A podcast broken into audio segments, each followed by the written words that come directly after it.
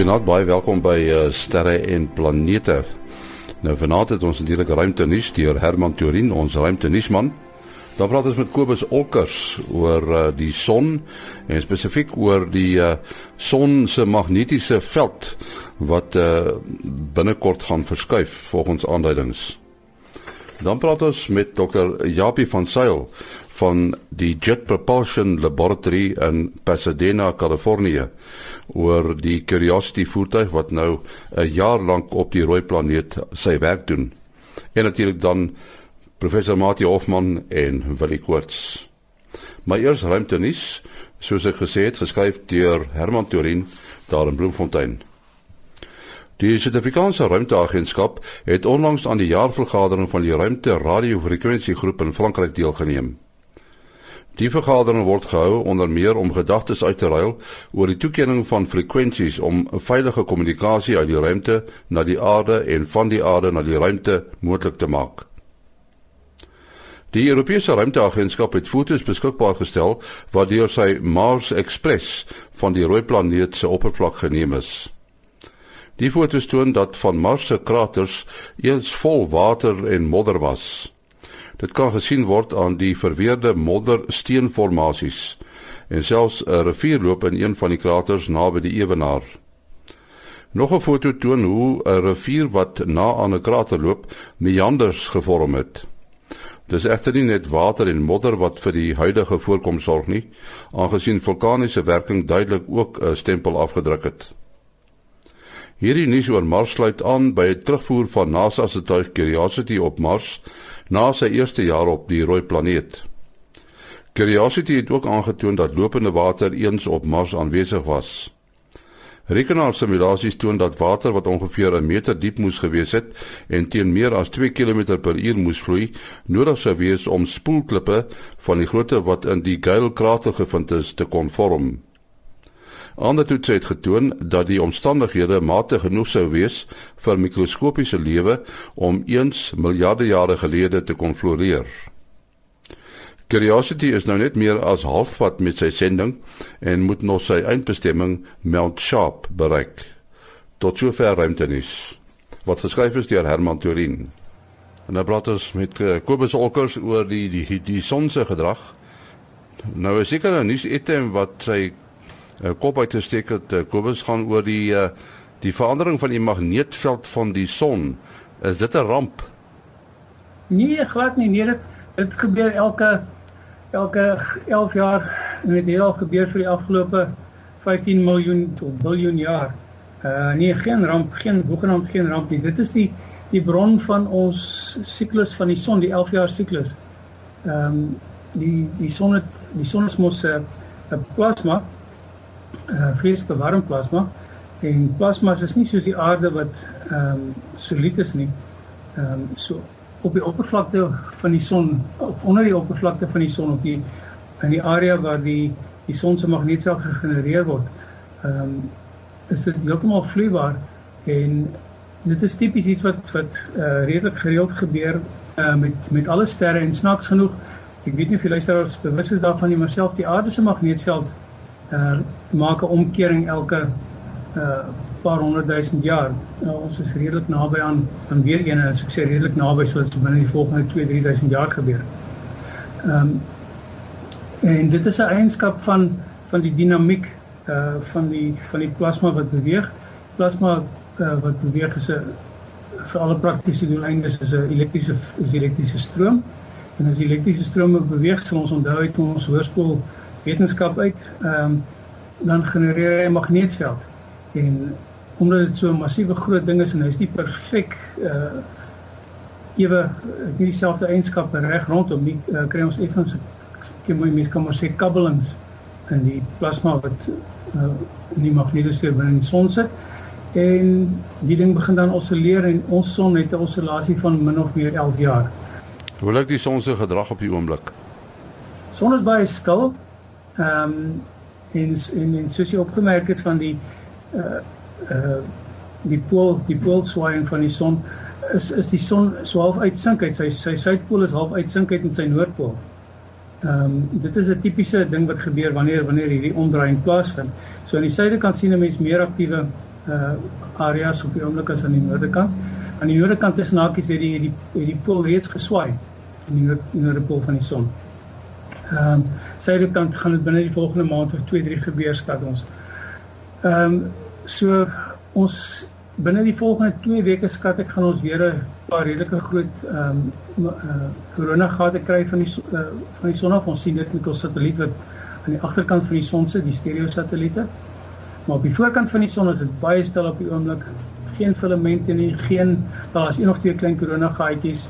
Ehm um, aktiewe areas is almal baie kalm, ehm um, baie ons noem ehm uh, um, eenvoudige eenvoudige areas, ehm um, hulle het nie komplekse magneetvelde nie, so hulle sal nie uitbars nie.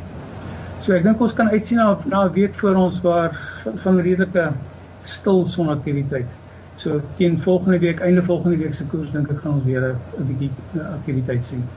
Uh jou kontak besonderhede? Soos altyd SMS alleen asseblief um, na 083 264 8038. Dit is 083 264 8038. Ja, dit was dan Kobus Olkers in eh, Florida in Amerika. En ons bly in Amerika en verskuif na Kalifornië, Pasadena en ons praat met uh, Dr. Japie van Sail wat werk by die Jet Propulsion Laboratory en uh, ons het hom gevra hoe dit gaan met Curiosity. Nee, dit gaan baie baie goed. Uh, ons het uh, alreeds 'n uh, hele klompie baie goeie resultate gekry. My waarheid te sê die grootste vraag wat ons gehad het met Curiosity was of die toestande op Mars ooit lewe sou kon onder, onderhou daar en natuurlik het ons die al reeds geantwoord uh, en dit is baie duidelik dat wel waar ons geland het die toestande wel lewe kon uh, onderhou. Dit beteken nie ons het tekens van lewe gekry nie. Dit beteken net as 'n mens kyk die gate wat ons in die klippe geboor het, die soort van water wat daar was, die die uh, skatting is dat dit ongeveer 1000 lank uh, jaar ten minste was daar water in die krater geweest um, in 'n rivierbedding wat ons daar geland het en uh dat die water van so gehalte was dat as mense daar was sou ons dit wel heel waarskynlik sou kon gedrink het. So ons het al reeds die heel grootste vraag wat ons wil gevra gevra het met die met die sending het ons al reeds beantwoord. So nou kyk ons maar net of ons dalk tekens van vorige lewe kan opspoor. En en uh, Curiosity se volgende sending is dit uh, teen die berge op. Ja nee kyk ons het nou mos uiteindelik ek het elke slag vir die mense in Suid-Afrika gesê dit sal 'n hele rukkie vat voor ons by die berg uitkom want uh, hierdie soort van sending is soos 'n soos 'n motorkar kar vir kinders as jy met vakansie gaan en 'n ry by 'n roomhuisplek verby en almal wil eers stop en 'n roomhuis eet. Uh dit vat jou rukkie om dan op die, by by jou bestemming uit te kom. Nou ja, hierdie wetenskaplikes wat ons het vir hulle is elke klip omtrent soos 'n roomhuis. So hulle wil eers by elke klip stop om bietjie verder kyk. So, maar ons het nou wel begin ry na die berg toe. So die die groot ding gaan nou wees om die berg uit te ry en dan die verskillende lae van gesteentes wat in die berg is wat beteken verskillende ouderdom klippe op Mars te ondersoek en te kyk hoe die omstandighede verander het met tyd op Mars. Wat is die spoed wat Curiosity ry? Jong, ons ry maar baie stadig. Uh, ons ry um uh tipies um, ongeveer 100 meter of so per dag. So mense sal nou dink, "Jeg, maar dit is nou nie vinnig nie." Maar ek dink as jy mooi daaroor dink, dit die karretjie kos 2.5 miljard dollar en jy wil nou nie eintlik bekend staan as die man wat die kar omgegooi het op Mars nie. So ons ry maar bietjie versigtig en stadig en soos ek sê by omtrent elke klip wil die manne stop en bietjie verder kyk. Ja, dit is seker die duurste 4x4 voertuig. ja, kyk, kyk is 'n redelike duur voertuig, maar aan die ander kant, jy weet as jy as jy kan dink wat hy voertuig kan doen in in vergelyking met 'n uh, dis natuurlik nie net 'n voertuig nie, nee, dit is eintlik 'n soort van 'n 'n 'n roving ek sê altyd vir die mense hier is 'n roving chemiese laboratorium. So so dit is 'n dit maak dit 'n bietjie meer duur. En uh, beplan jy dan om uh, nog van die soort tye na Mars te stuur? Ja, in 2020 gaan ons weer uh so uh, om die waarheid te sê uh, amper dieselfde ene stuur. Die instrumentasie sal anders wees want natuurlik soos ons nou geleer het is daar 'n nuwe vraag wat ons wil wil beantwoord. So ons is uh, besig om die nuwe ene te ont, ontwerp. Die basiese struktuur, die motorkar homself sal ek maar sê, sal uh, dieselfde wees. Die enigste groot verskil sal wees hy sal heel waarskynlik nie soos hierdie een kern aangedrewe wees nie. Hy sal uh, heel waarskynlik sonpanele hê. En uh moet mense besoek aflê by die poolkappe van Mars nie? Ja, ons sal natuurlik graag dit wil doen. Dit is 'n bietjie moeiliker om daar te land. On, maar as jy onthou in 2007 as ek reg onthou het ons die Phoenix lander uh naby uh, na, redelik naby die pole. Dit was nie by die pole homself maar dan naby naby genoeg aan die pole geland. Uh maar dit is 'n bietjie moeiliker om daar te gaan land, maar dis 'n dis definitief 'n area wat ons baie geïnteresseerd is. Wat maak jou opgewonde van die ruimte? Jong, vir my is die groot vraag is of daar 'n ander ander planeet soos die aarde daar buite is. Jy weet as 'n mens 'n klein klein kind is, dan wonder jy eers oor ander ander kontinente soos die as daar nog plekke soos waar jy nou leef en so aan. Maar deesdae se kinders word mos nou met televisie groot, so hulle kan nou al reeds sien hoe die hoe die uh, ander plekke lyk. Vir my is die groot vraag is daar nog 'n planeet soos die aarde?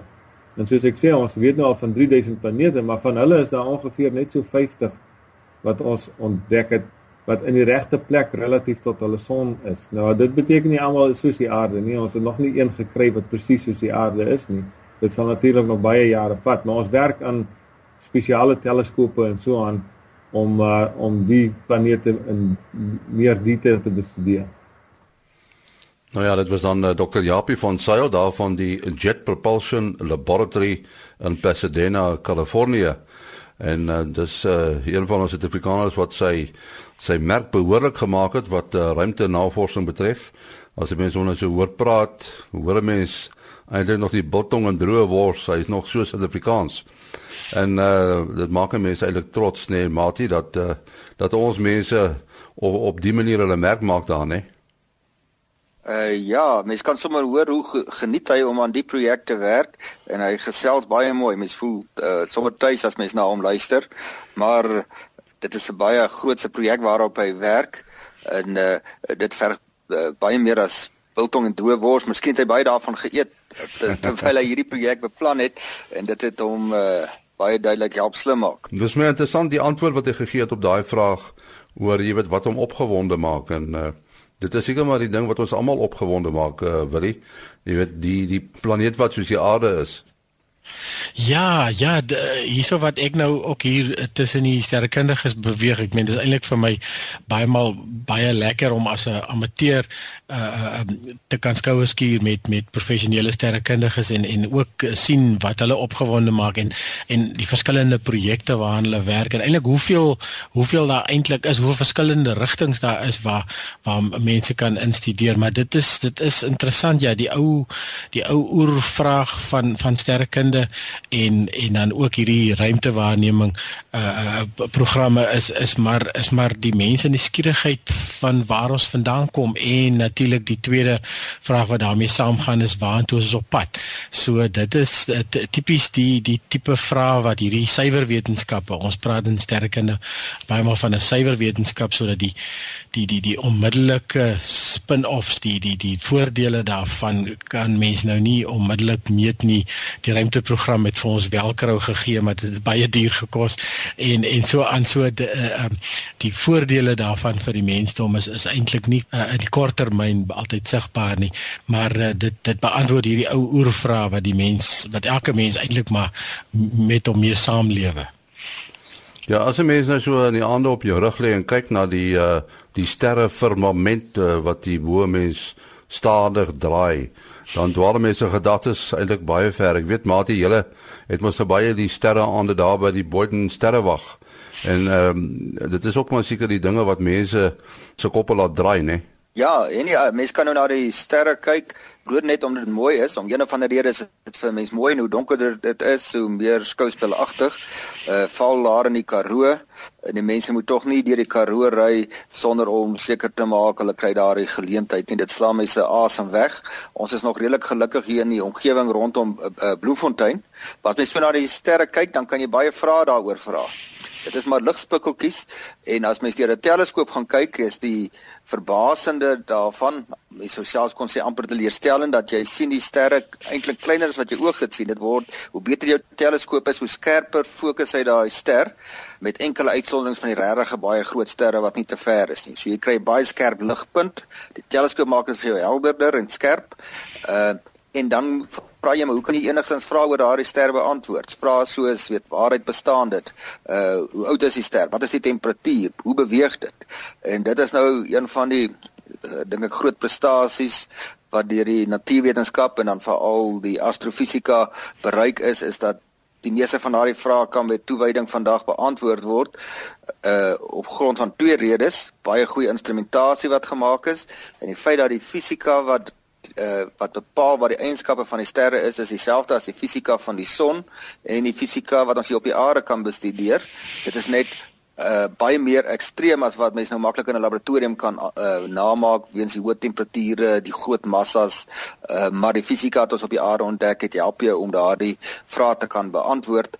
En ek moet sê die die is ongelooflik wat ons reeds van die heelal kon ontdek, maar wil net nou verwys na daardie absolute nuuskierigheid. Ek was nou by 'n uh, uh, beraad daar in Kaapstad saam met twee kollegas wat al die uh, sterrekundiges en persone wat nou betrokke is by die kommunikasie van die sterrekundige ontdekkings met die publiek bymekaar gekom het uit die hele Suid-Afrika enkele internasionale mense en jy kan sien hoe hierdie is regtig 'n grootse veld in die wêreld ek dink juist omdat dit so basies is so 'n bietjie van die tegnologie verwyder is in terme van die direkte voordeel daarvan maar tog het jy baie tegnologie nodig.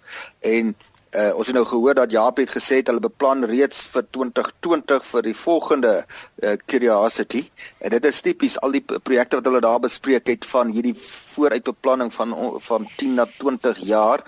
En dan genereer dit 'n klomp energie en dan moet jy se gedagte hou jou jy het al beter tegnologie veral wat die rekenaar vermoë en die kommunikasie betref om al die data wat hierdie groot teleskope oplewer uh, te kan hanteer. En daar is die sterrekunde en ruimtewetenskappe op die voorpunt om hierdie tegnologie te ontwikkel en dit sal verseker weer neerslag vind uh, in die in die inligtingbedryf tot voordeel van die hele mensdom. Ja, dis die instrumente wat jy het wat jou in staat stel om Nou selfs verder te kyk want ek het net nou vir iemand hier gesê 10 jaar gelede as jy die woordjie eksoplaneet noem dan het hulle gedink jy praat Grieks of iets. Daar's nie so 'n ding nie. En en nou nou is hulle amper soveel soos die sand in die see.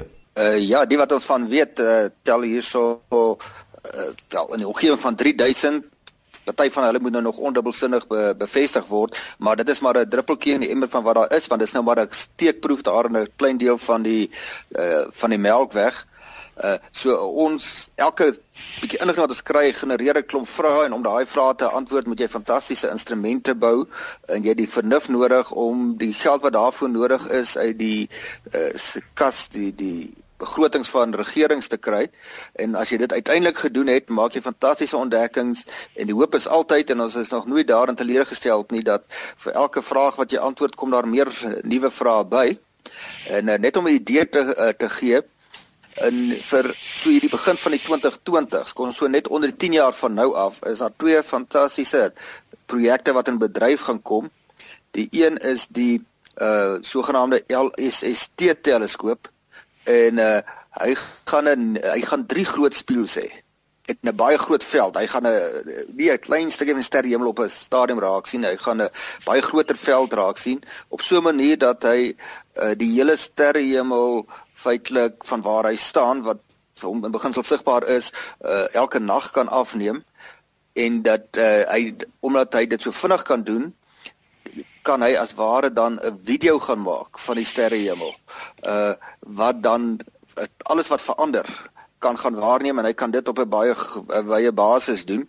Uh maar die uitdaging wat daarmee verband gaan hou is ongelooflike hoeveelheid data wat gaan gaan genereer. Hulle praat van uh 10 tot die mag van 15 petabytes en anders gestel 10 tot die mag 6 gigabytes se data wat hy gou in sy database gaan opstel en daarin kan jy nou gaan soek dan vir sê net maar supernovas enige iets wat verander.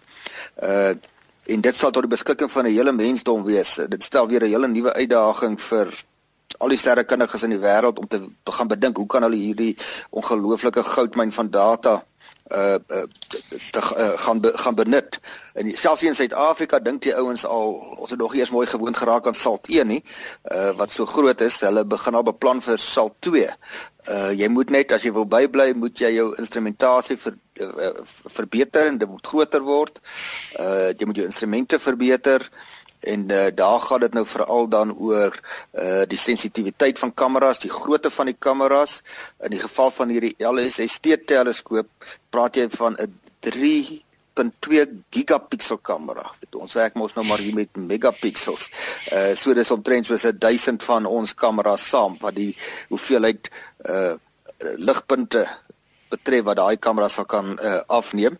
Ek uh, sien hier hy gaan elke 15 sekondes 'n foto kan neem. So dit is 'n geweldige hoeveelheid data wat daar gaan uitkom. 3.2 gigapixel foto so elke kon sê elke 20 sekondes wat hy gaan kan neem. Ja, wil jy ehm um, Mati praat nou so van die van die kameras en so voort wat mense in hierdie teleskope kry. Die uh teleskope op Sutherland, uh meeste van hulle is nou sogenaamde kamera teleskope, né? Nee? Mense kan nie deur hulle kyk nie. Ja, dit is reg. Ons ons uh, nog maar net uh, die die twee kyk as nou 20 teleskope op die op die kop waar waarvan van dit na die son kyk natuurlik en en so aan maar die uh meeste van hulle het maar kan nog net 3 van hulle het nog oogstukke op en en die die groot rede is natuurlik 'n mens se oog is nou nie so sensitief as wat jy gedink het nie. So 'n kamera is net 100 ten minste 100 maal meer ligsensitief. So dit maak net sin om eerder 'n kamera daar te sit. Die die verskillende instrumentasie wissel natuurlik, maar daar is natuurlik 'n uh, 'n hele klomp van hulle wat wat slegs regkom met 'n baie hoë uh uh sensitiwiteit en en en 'n uh, hoë kwaliteit noem dit nou maar digitale kamera ons gebruik al vir 40 jaar in sterrekunde digitale kameras ons dit is eintlik waar wat Martin net nog genoem het van in die sterrekunde wat hierdie goeters tot hulle uiterstes ontwikkel word en en dit is ook een van die van die voordele van sterrekunde wat vir ons hierdie volmaakte sensor gegee het. Um en dan is daar natuurlik um spektrograwe en so wat die lig nou in in in hulle spektrum opdeel en opneem uh, uh, verdeel en en maar selfs die detektors op daai is maar ook jou CCD wat wat uiteindelik maar jou kamera is.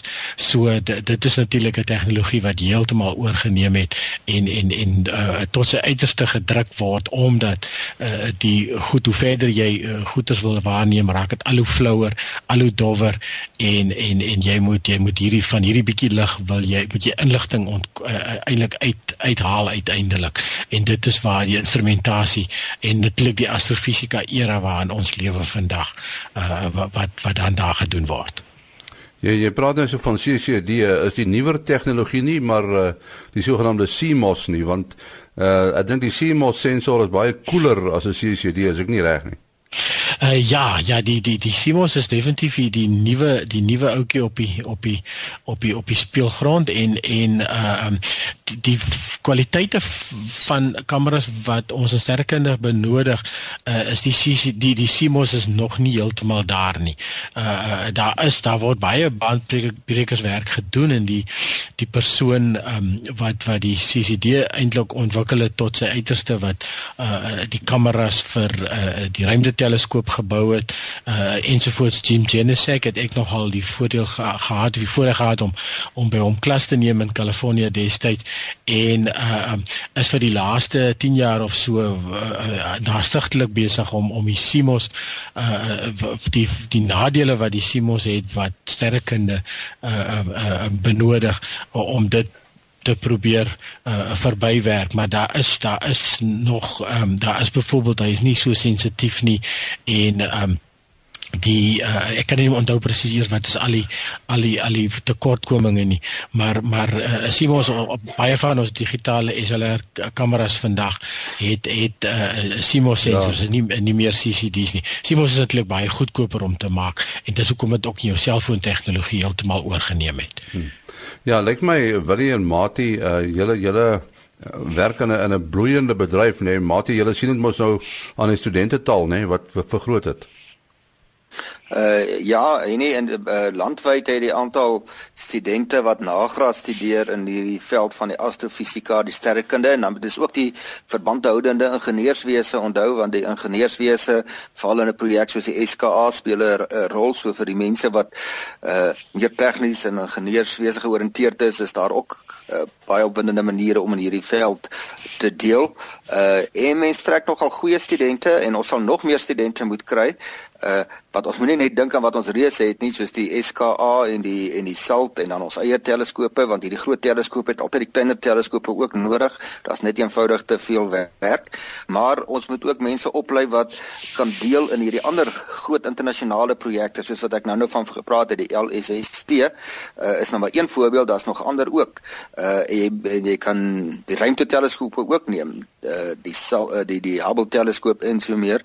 Uh so dit is hang van jou eie vernuf en toewyding af. Hoeveel van daai data kan jy gebruik om bepaalde stelsels te kan te kan verstaan? So jy moet 'n slim fokus kry waar jy bepaalde bydrae kan maak. Ehm um, jy kan nou sê nou maar fokus om ontdekkings te kan maak of jy kan uh, daarop fokus om 'n bepaalde stelsel baie beter te verstaan en dit is nie 'n geringe taak nie want onthou ons sien maar 'n ligpunt en ons moet dit meet en meet hoe dit met die tyd verander en dan moet ons al, dit wat ons kan waarneem probeer verstaan in terme van van modelle wat weer uit die fisika uitkom. Uh so jy sou byvoorbeeld uh net op die grond van die lig se verandering uh van 'n bepaalde ster kan jy agterkom. Nee dis eintlik twee sterre. Jy kan agterkom nee maar daar's materiaal wat uit die een ster uit oorvloei na die ander een. En dan kry jy hierdie sogenaamde skuwe rondom die uh rondom die uh, een ster wat tot allerlei interessante verskynsels uh lei. En dit word alles net uit die ligpatrone teenoor tyd uh, waargeneem. En daar lê baie kreatiwiteit in en uh natuurlik detail berekeninge rekenaarwerk groot klomp wiskunde wiskunde is nou maar die taal wat jy nodig het om die moderne fisika en astrofisika te doen. Daarsonder kan jy nie. Ons moet nog gelukkig afsluit. Uh, wil jy jou besonderhede? Ja, mense kan bel, SMS of WhatsApp 0724579208. 0724579208. Mati? Selfoonnommer 083 625 7154. 0836257154. My kontakbesonderhede maas.henny@gmail.com. maas.henny@gmail.com. Volgende week dieselfde tyd maak ons weer so. Alles van die beste.